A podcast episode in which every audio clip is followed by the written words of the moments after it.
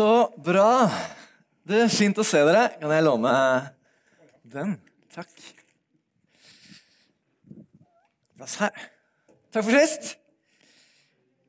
Der, ja. Det er liv i dere. Det er, det er greit å vite at dere lever. Du, Så godt å være sammen igjen. Eh, Det vil aldri miste sin kraft. Guds ord vil aldri miste sin kraft. Blodet som frelste oss, vil aldri miste sin kraft. Veldig veldig fint å være sammen. Jeg heter Arild Kragnes. Eh, sønn til nevnte Tor Kragnes, som Egil eh, nevnte så fint her. Og, og Det var fint å høre, Egil. Eh, jeg elsker at dere gjør det her med min historie.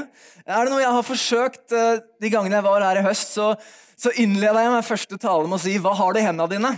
Uh, og Noen av dere husker det kanskje, og mange av dere sikkert glemt det. for sånn, sånn funker det at vi, vi hører mange taler i løpet av livet vårt. Men uh, jeg har forsøkt å, og, vise oss at hvordan Gud ønsker at vi skal ta det vi har, det livet jeg har, og si Gud, dette kan jeg komme med. Derfor synes jeg at den Min historie er en nydelig eksempel på at, at din historie teller. Din historie betyr noe i den store sammenhengen. Det livet du lever, betyr noe for noen. Det betyr noe for deg sjøl. så veldig, veldig bra. Takk for muligheten til å være her igjen. og kommer i hvert fall to ganger til etter denne. Så takk til lederskapet som har gitt meg den tilliten til å være med og dele noe. Det tar jeg, eh, tar jeg som en ære og tar jeg ikke lett på. For jeg elsker faktisk å snakke ut fra denne boka her. Eh, og jeg har sagt det før, men Mange mener at denne boka her, den, den kan vel ikke bety noe lenger i 2019. Men jeg tror at Bibelen er like aktuell som noensinne. Og jeg pleier faktisk å si at til og med for folk som ikke tror på Gud, hadde de begynt å lese Bibelen, hadde de begynt å følge noe av det som står der, så tror jeg de hadde gjort et bedre liv. Eh, men så tror jeg for oss som tror på Jesus, så er det litt lettere å forstå også hva som står. For at Gud vil hjelpe oss til å skjønne hva som står der. Så jeg gleder meg til hva jeg har fått lagt på hjertet i dag, og jeg har også fått et tema eh, som jeg skal preke ut etter, og så får vi se hvor det tar oss. Men det var å leve åpne og inkluderende liv for Jesus. I høst snakka vi om å ha Jesus med i hverdagen. Og nå var det å leve åpne inkluderende liv for Jesus. Så jeg skal kommer til å utfordre oss litt. Uh, utfordre meg sjøl litt. Uh, for jeg tror at når Jesus gikk på jorda og snakka til folk, så snakka han om et praktisk liv. Han snakka ikke bare om et budskap, budskap, som skulle treffe oss i hjertet, og så var det en deilig følelse, og så kjente vi det så godt og fint. Men han snakka til oss for at ønska at vi skulle endre noen ganger ting i livet våre og bety noe for noen flere. Så jeg skal be en bønn, og så skal vi lese noen bibelvers, og så skal vi se hvor dette tar oss. Takk, Jesus Kristus, for at du er til stede her. Takk for at det alltid er hele forskjellen, Jesus. Det er hele forskjellen på, på denne samlinga her og på noen andre som møtes i kveld. så er det at Du er til stede, Jesus. Og takk for at der hvor du er til stede, så kan uante ting skje. Jesus. Og jeg ber Gud for hvert eneste person som fins i dette rommet. Takk, Jesus, for at du kan snakke direkte til hver eneste en. At du kommer til å bruke det som jeg har fått på hjertet, men også at du kommer til å snakke direkte inn i livet til folk. Jesus. Og jeg ber at du hjelper oss til å ha ører som hører hva du har å si til oss denne søndag kvelden, Jesus. At du kan hjelpe oss å være etterfølger av deg i 2019, Jesus. At du kan hjelpe oss å følge etter deg.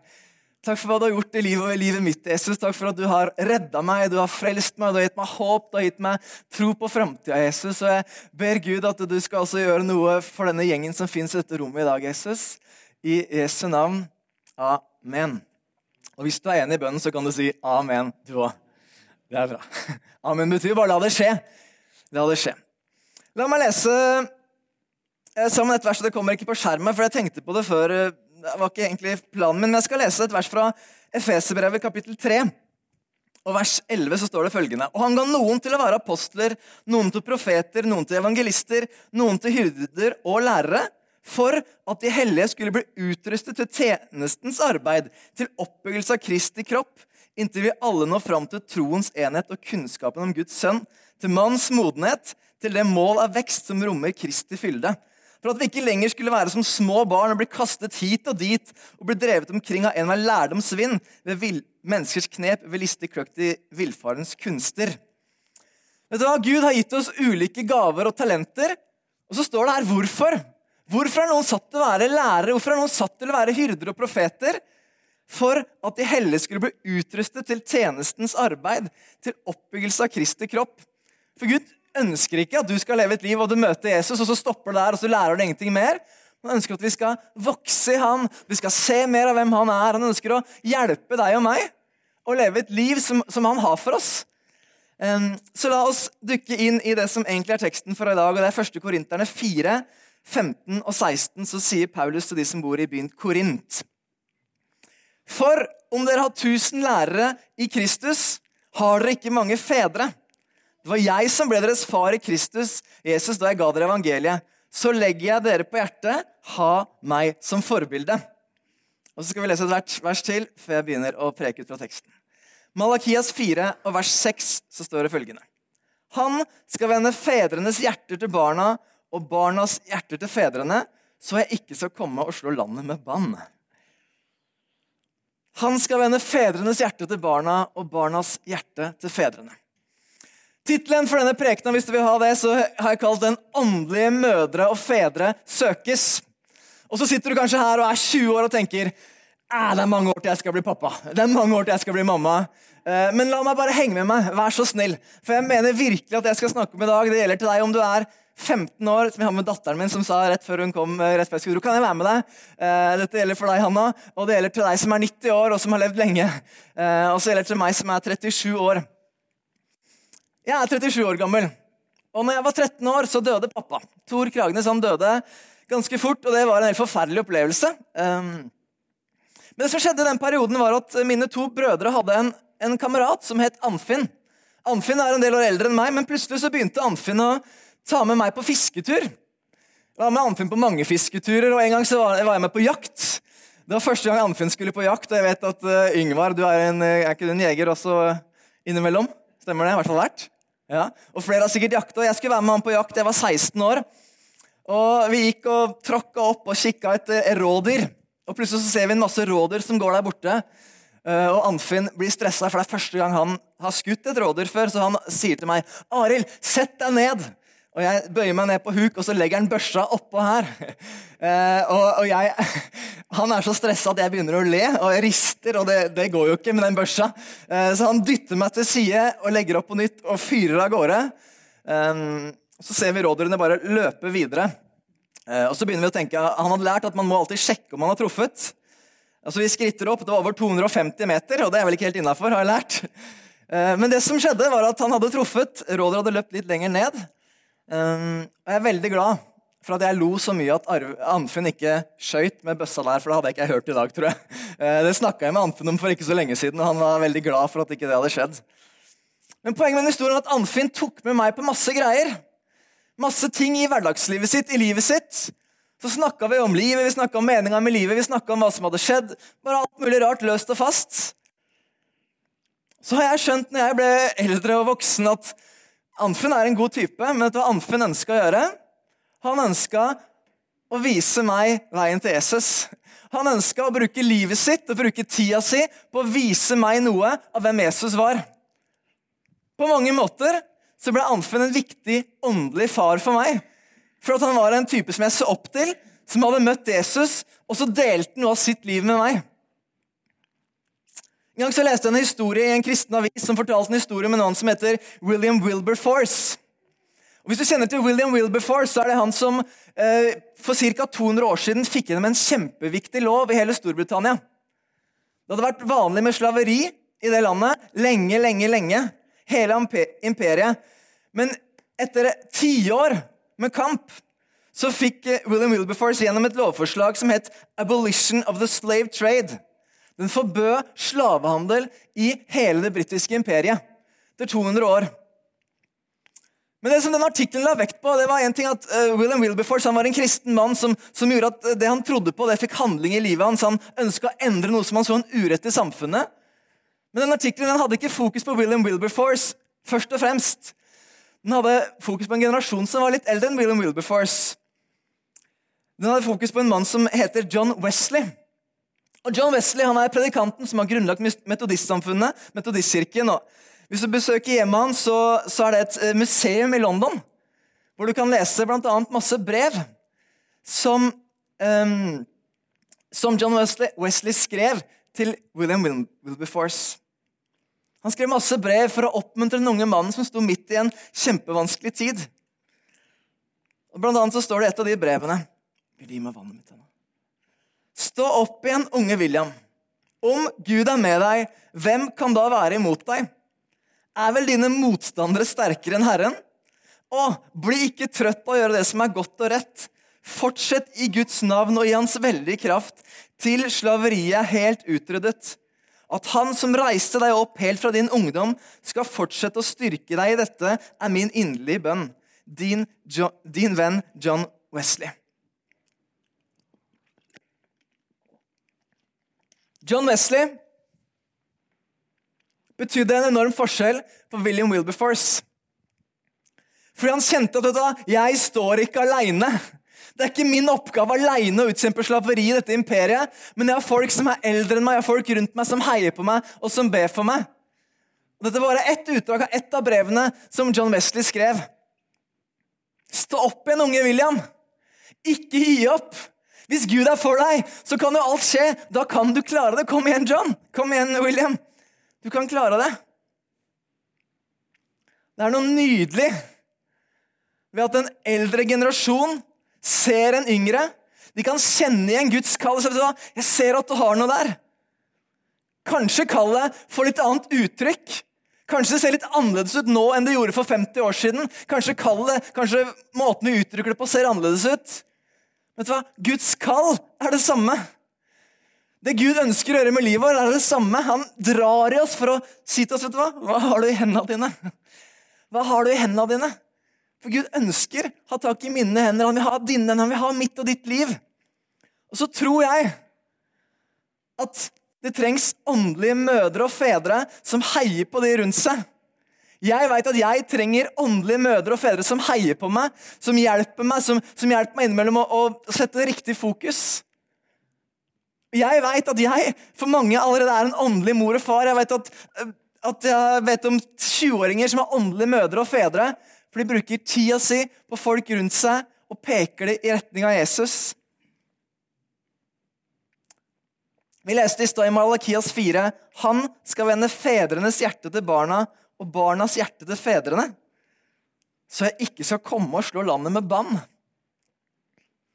Han skal vende fedrenes hjerte til barna og barnas hjerte til fedrene.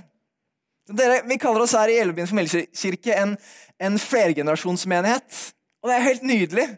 I mine øyne så, så burde det ikke være noe annet enn flergenerasjonsmenigheter. og så er det jo sånn at ja, men Der hvor du er, så er det jo ikke flergenerasjoner. Vet du hva, Vi er ganske mange generasjoner etter hvert der også. Men fordi vi starta, så var det en ung gjeng først, men så har det kommet flere generasjoner til. Sånn vil det alltid være. For alle Vi trenger alle generasjoner i Guds menighet sammen. Men i Malakias bok så peker det verset på Elias som skulle komme og vende fedrenes hjerte til barna. Det samme verset er egentlig nevnt noe lignende i, i Lukas 1,17. Så får vi høre at Johannes kom for å vende fedrenes hjerte til barna.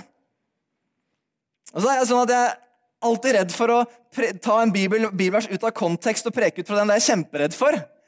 Så jeg skulle forberede prekenen til i dag, så satt jeg og liksom trøbla veldig mye fram og tilbake med det her. Men det her sto at Elias skulle komme, og så var det opp til Johannes. Mens jeg ba over det her og tenkte hva, hva, hva er dette her for noe, Gud, så opplevde jeg veldig at vet du hva? uavhengig av kontekst, uavhengig av hva, hva konteksten var det her, så ønsker Gud å vende fedrenes hjerte til barna og barnas hjerte til fedrene. Fordi at generasjonene er avhengig av hverandre. Du er avhengig av de som er eldre enn deg, og dere som er eldre, vi er avhengig av de som er yngre enn oss. Men jeg synes det er viktig å legge merke til hvilke rekkefølger det står her. Gud skal vende fedrenes hjerte til barna. Vet du hva, Vi som er eldre, vi som er eldre, vi har et ansvar for å sørge for hva, hva kan jeg bistå med. Her er hjertet mitt. Jeg vil vende hjertet mitt til deg. Bibelen sier at vi skal vende fedrenes hjerte til barna først. Ansvaret ligger først hos de som er eldre. Og så ligger ansvaret for oss som er yngre. enn Jeg kan si begge dere, for jeg er eldre enn noen av dere og yngre enn noen av dere. At jeg også vender hjertet tilbake igjen Vi sier, vet du hva? Ja, jeg vil stå sammen med deg. Jeg trenger at vi står sammen. Jeg trenger, Vi er kanskje ikke alltid helt enige i uttrykksformen, men jeg trenger at vi står sammen. Jeg trenger at vi løper dette løpet sammen. Jeg tror det vil være en nydelig støtte for alle generasjoner hvis vi kan stå sammen. Kan vi si, hva? Gud vil at vi skal stå sammen. For generasjon etter generasjon de har bygget på tidligere generasjoners bønner. Det som skjer i Elvebyen familiekirke i dag, det er et resultat av bønner som er bedt her for 50 år siden. Jeg vil påstå at Det som skjer i min kirke her i dag også, den kirken jeg er en del av, det er resultat av bønner som er bedt her i byen for folk som har bodd i denne byen lenger, som har bedt om Gud, gjør noe i byen min.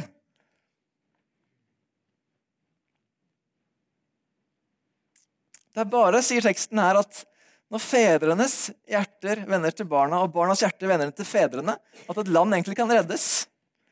Hvis vi kan klare å legge vekk ting som, som, som skaper uenighet og strider, og kjenne hjertene til hverandre For teksten snakker om hjertet vårt. Vi må ha en hjerteconnection. For hvis vi har en hjerteconnection, så kan vi godt skjønne at vi kan være litt uenige på noen ting som ikke er så viktige. Men hvis hjertet vårt er sunt, hvis hjertet vårt, vi kan være enige i det som skjer i hjertet vårt, da kan vi komme mye lenger. Jeg har vært ungdomsleder i både De frie evangeliske forsamlinger i mange år og i, i pinsebevegelsen i flere år. Um, og Noe av det beste jeg visste da jeg var ungdomsleder, det var at det kom godt voksne folk på ungdomsmøtet og bare satt der. Og bare var der. Ikke var det som med sånne skeptiske øyne for liksom, ah, hva skjer her da? Ja, Det var høy musikk, gitt. Dette likte jeg ikke. Men som var det, så vet du hva? Vi ber for dere. Vi er så glad for dere, vi er så takknemlige for dere. Så kan noen i dag sikkert tenke at det er litt slitsomt med de barna som surrer rundt. Vet du hva? De barna er kirkens og menighetens nåtid like mye som dens framtid. Barnas hjerte kan vendes til fedrene og omvendt, så kan nydelige ting skje. En av mine bønner for den kvelden her er at å vekke til live noen åndelige mødre og fedre, uavhengig av alderen din La meg understreke det. Uavhengig av hvor gammel du er, uavhengig av hvor mye mor du tenker at du er, eller hvor mye far du tenker at du er. Men så er, du, er du 15 år, så kan du være en åndelig støtte for noen som er noen år yngre enn deg. For Jeg har jo lært meg at jeg kan ikke ta noen åndelig lenger enn jeg har kommet sjøl. Så jeg har jo skjønt at når jeg har blitt en åndelig far for noen. Hvis du, hvis du skjønner meg rett der, ikke, Jeg tar meg ikke på noen stor rolle i det, men når jeg har skjønt at folk har søkt mitt, min råd og min veiledning, så skjønner jeg at jeg kan ikke ta de lenger enn jeg har kommet sjøl. Så vet du hva det gjør med meg? Det gjør at Jeg tenker at jeg trenger deg, Jesus. Jeg trenger å kjenne deg mer, jeg trenger å kjenne deg dypere. Skal jeg hjelpe folk videre, så trenger jeg det. Så jeg tror at hvis du og jeg kan få opp øya våre og se at vet du hva, mitt bidrag kan bety noe for noen rundt meg, så tar det oss også sjøl videre. Tar mitt eget liv sammen med Gud dypere fordi jeg trenger det.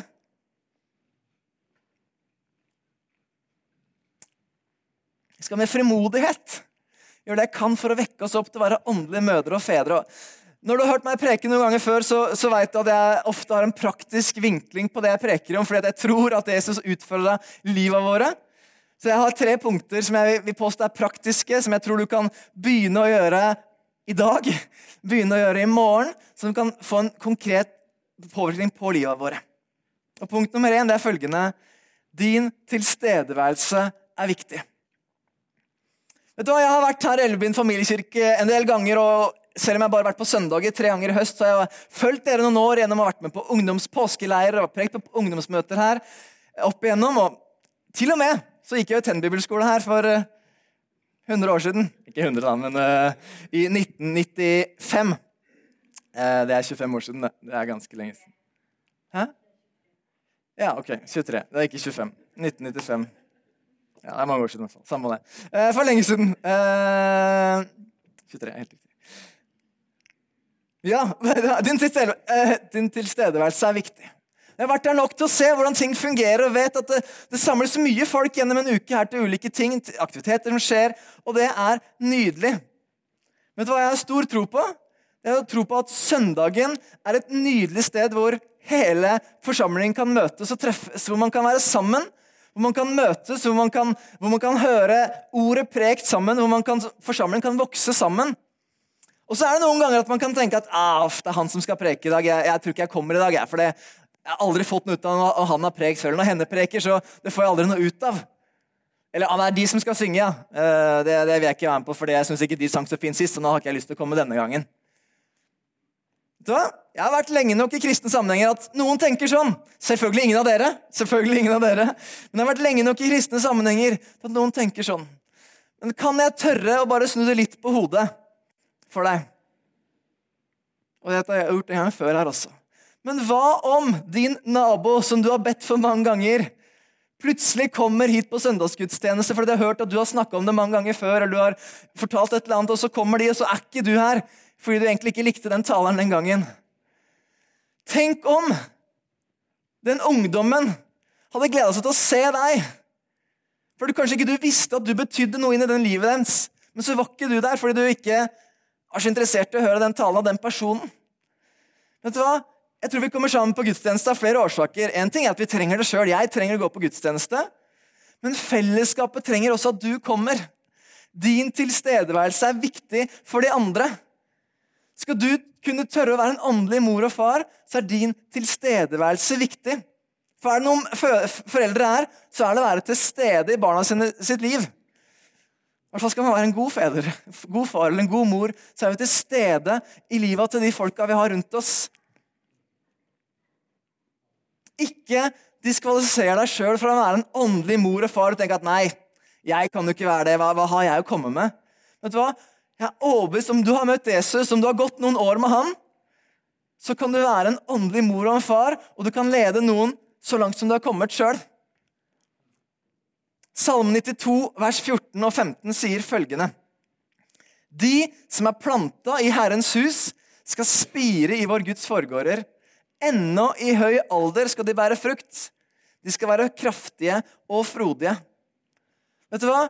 Å være planta i Herrens hus så står det ennå i høy alder skal de bære frukt. Vet du hva, Jeg drømmer om at når jeg blir så voksen som noen av dere, at jeg fortsatt skal kunne bære frukt med livet mitt, og jeg vet at mange av dere gjør det. Jeg vet at sikkert, alle gjør sikkert det. Men være planta i Herrens hus, så er det et løfte om det. Er du planta i Guds hus? Ennå i høy alder skal de bære frukt. De skal være kraftige og frodige. For et løfte, da! For et løfte! De skal være kraftige og frodige fordi de har planta seg i Guds hus. Og så kan ikke se for meg noe bedre enn å tenke du hva, jeg ønsker å være en åndelig mor eller far for noen av de rundt meg. Jeg ønsker å by nok på livet mitt. Jeg ønsker å tørre å invitere noen som jeg ikke har invitert før, og si vet du hva, jeg har levd et langt liv med Jesus. Dette er det jeg har opplevd. Punkt nummer to er vær et godt forbilde. I innledningen så leste vi 1. Korinterne 4, 15 og 16. Jeg skal lese det igjen. For om dere har tusen lærere i Kristus, har dere ikke mange fedre. Det var jeg som ble deres far i Kristus Jesus da jeg ga dere evangeliet, sier Paulus. Så legger jeg dere på hjertet, ha meg som forbilde. Vet du hva? Det er ganske tøff ting å si til noen. Se på meg, ja! Ta meg som forbilde! Jeg tror Grunnen til at Paulus tør å gjøre det, er at han veit hvor han er planta Han veit hvor han er plassert hen. Han sier ikke det fordi han tenker at 'jeg har fått til å slå seg på brystet sjøl'. Hvis du leser Nytestamentet nok, så vet du at Paulus har plassert livet sitt i Kristus. Som Nordkveldet sa, 'Kristus i dere, håp om herlighet'. Nordkveldet var den som grunnla de frie forsamlinger, hvis du ikke visste det. Kristus i dere, håp om herlighet. Han siterte Paulus også. Kristus i dere, håp om herlighet. Paulus visste hvor han var planta. Han visste hvor styrken hans var. Derfor så turte han å si 'ha meg som forbilde'. Og det du kan gjøre Når du setter deg med noen, så kan du si vet du hva? Du kan ha meg som forbilde på dette og dette. Og så kan kanskje noen også til og med få lov til å lære av dine feil. Kanskje du kan tørre å være sårbar nok til å si vet du hva? Dette angrer jeg på at jeg gjorde i livet. Jeg skulle ønske at jeg gjorde det sånn her i stedet for. Jeg skulle ønske at jeg turte å gjøre dette her. Jeg skulle ønske at jeg gjorde det på denne måten i stedet for. Men vær et forbilde.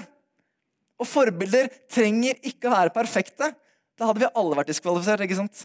Da hadde jeg vært ute å kjøre, du hadde vært ute å kjøre. Mens vi kan tørre å si, vet du hva?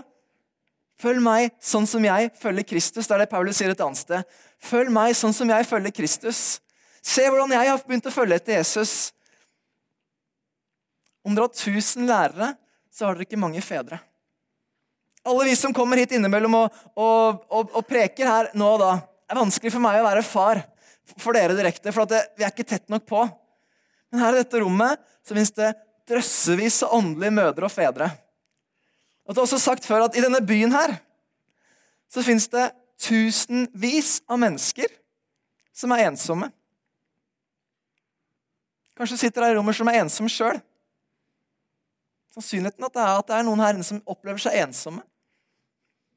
Kan jeg, kan jeg utfordre deg på å tenke at vet du hva, kanskje du skal være en åndelig mor og far for noen? Og kanskje at hvis du, ved at du tør å invitere noen hjem på en kopp kaffe og by på livet ditt, fortelle om livet ditt sjøl, så kanskje du blir litt mindre ensom sjøl til og med. Kanskje du kan være med å bidra på den måten. For noen år siden så fikk jeg gjennomført en drøm jeg hadde hatt lenge, og det var å drikke kaffekopp med Bjarne Stålstrøm. Dere kjenner han godt. Også. Jeg hadde bare kjent, eh, kjente jo Bjarne bare sånn på, på, avstand fra ulike steder, men hadde alltid vært fascinert av både bøkene og livet og ting han hadde snakket om. Eh, så jeg dro til Bjarne i, i Krokstadelva og satt og drakk kaffe der. Og det som var veldig fascinerende, var etter å ha vært der en kveld, og, jeg hadde masse spørsmål, og han, han svarte på masse spørsmål.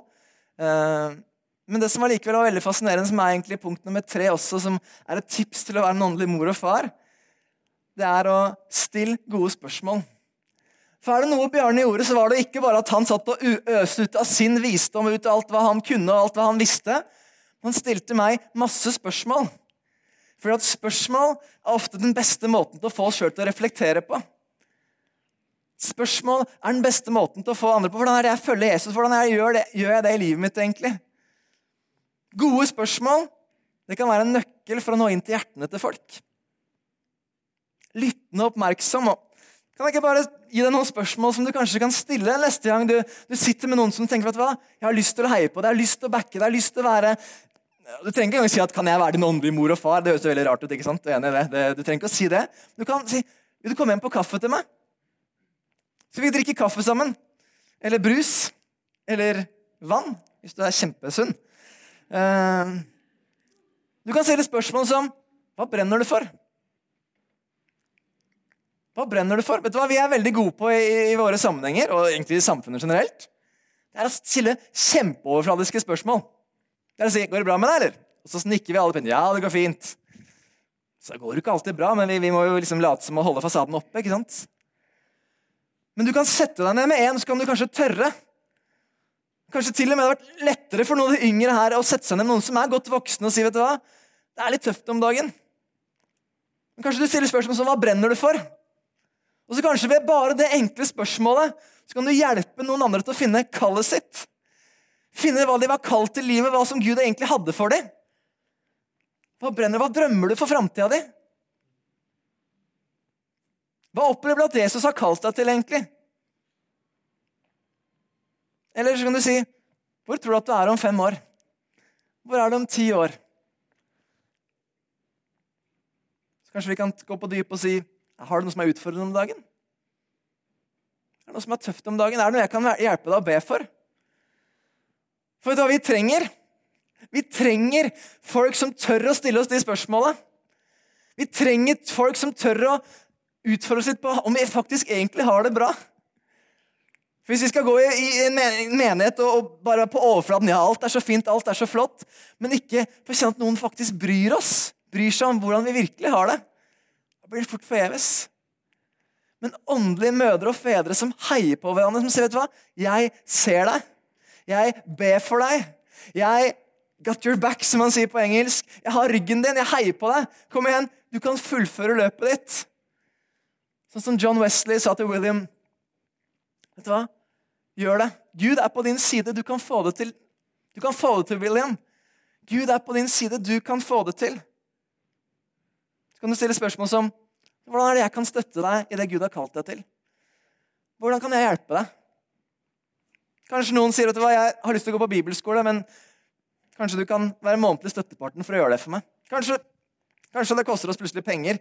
Ah! Men kanskje vi noen gang skal tørre å investere inn i folk fordi vi har tro på dem. Avslutningsvis har jeg lyst til å være konkret med deg. Og spørre deg om du tør å si til Gud Kan ikke du vise meg noen som jeg i 2019 skal tørre å være en åndelig mor og far for? Jeg, ikke, jeg, har ikke, jeg, har ikke, kjent Jesus lenge nok. Da har du kjent Jesus et år, så kanskje du kan være åndelig mor og far for noen som har kjent Jesus et halvt år. Så kan dere gå og reise sammen. Kanskje dere kan søke sammen med noen som har gått enda lenger for å lære mer. Men kan du tørre å si til Gud Gud, jeg har lyst til å være, åpne livet mitt med litt mer. Jeg har lyst til å bety noe for noen mer dette året her. Tenk deg dette, dette rommet her. Hvis alle i dette rommet hadde sørga for at jeg skal, i hvert fall én som er yngre enn meg, skal jeg heie ekstra på i 2019. Skal jeg be ekstra for i 2019. Jeg tror det kunne betydd mye. Helt ærlig så tror jeg det kunne betydd fantastisk mye. Hvis du sier til meg sånn jeg ber for deg Bare det når jeg får høre det av folk som går foran meg, så gjør det noe med meg. Det gir meg, gir meg frimodighet, gir meg mot. For jeg vet, vet du hva? det er noen som tenker på meg.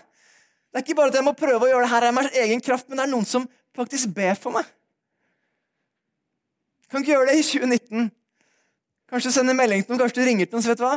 Jeg ber for deg. I bønnestunden min i dag så fikk jeg opplevd at jeg fikk et ord til deg.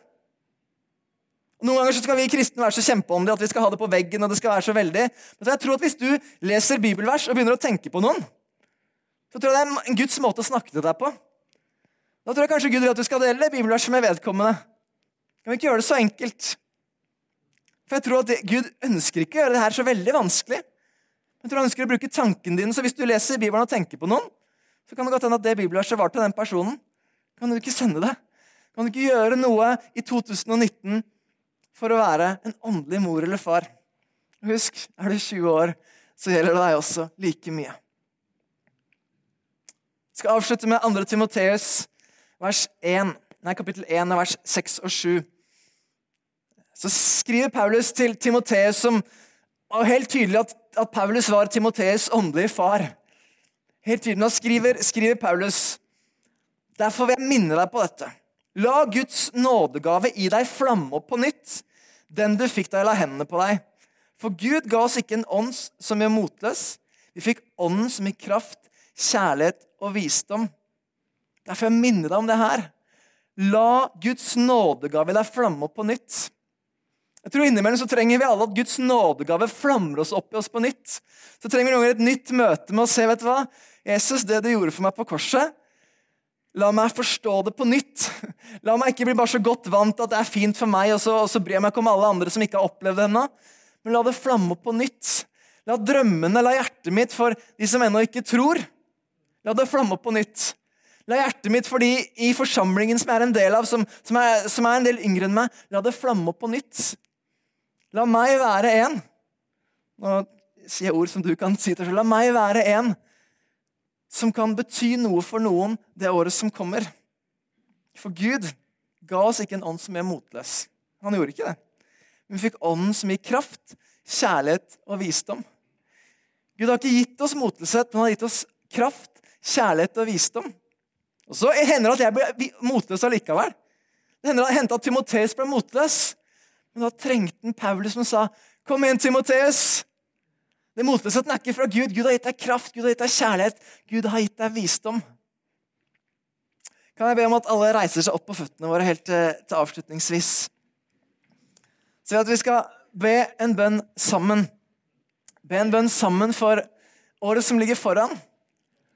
Så mens vi ber, så be altså om at Gud skal legge noen på hjertet ditt som du i 2019 kanskje kan være en åndelig mor og far for som du kan bety noe for året som er rundt deg. Kanskje de er fem år yngre deg, selv om det er 90 år. Kanskje du kan bety noe for de det året som kommer. Takk, Jesus Kristus, for at du er til stede her. Takk, Jesus, for at du ga livet ditt for oss, Jesus. Takk, Jesus, for, for, at vi faktisk kan bety noe for hverandre gjennom å være der til stede for hverandre, gjennom å være åndelige mødre og fedre for de som trenger oss rundt oss. Takk for de som fins i denne byen her som ennå ikke kjenner deg, Jesus, som skriker etter åndelige mødre og fedre, som trenger noen som kan lede dem til deg, Jesus. Jeg ber Gud for denne forsamlingen som fins i dette rommet nå. Jeg ber Gud at du legger på hjertet eh, spesielle personer til de ulike menneskene her inne. Legger på hjertet at vi kan være åndelige mødre og fedre for folk rundt oss. At vi kan være åndelige forbilder for folk rundt oss. At vi kan være noen som backer hverandre, som støtter hverandre, som heier på hverandre. Jesus. Sånn at ditt rike kan vokse, sånn at ditt rike kan komme, sånn at folk kan se hvem du er, Jesus. Takk for hva du gjør, takk for hva du gjør i, i denne forsamlingen. Takk for de som er henne som er motløse. Jeg ber Jesus at de skal kjenne at de får mot og kraft fra deg. Jesus. Jeg ber at de skal kjenne ditt nærvær akkurat nå, at de skal kjenne at du gir dem alt det de trenger. Jesus. Deg være ære for hva du gjør. og Vi, vi ber Gud for, for 2019 og, og, uka som ligger foran. Vi ber at du hjelper oss til å være dine hender og dine føtter. Vi hjelper oss til å være noen som snakker liv inn i livet til folk, som snakker håp inn, i, inn, inn, til folk rundt oss, som snakker mot inn til folk rundt oss, og som peker folk mot deg, Jesus, så folk får se hvem du er. I Jesu navn, i Jesu navn. Amen. Amen. Du kan sette deg ned, da. Jeg skal straks gi, eh, gi fra meg mikrofonen. Men så fins her inne som aldri har egentlig vet du hva, jeg, ah, Åndelige mødre og fedre jeg er egentlig ikke kristen engang. Jeg vil si det, vet du hva, Evangeliet er det beste som fins. For at Jesus kom hit til jorda for å hjelpe oss mennesker å leve nå, også for å, også for å ha en god evighet sammen med han. Hvis du trenger Jesus, hvis du ikke har tatt imot Jesus, så trenger du han. Bibelen sier veldig enkelt at måten du gjør det på, er å bekjenne med munnen at vet du hva, jeg tror på deg, Jesus. Jeg trenger deg. Jeg vil snu livet mitt om mot deg, og så vil jeg begynne å følge deg. Jeg oppfordrer deg på det sterkeste til å gjøre det. og Hvis du vil gjøre det, og, og, trenger det, så snakker du med noen av lederne her etterpå. og så vet du hva, Jeg har ikke tatt imot Jesus, og det trenger jeg å gjøre. Fikk du den utføringa og tørre å gjøre det også. Takk skal du ha.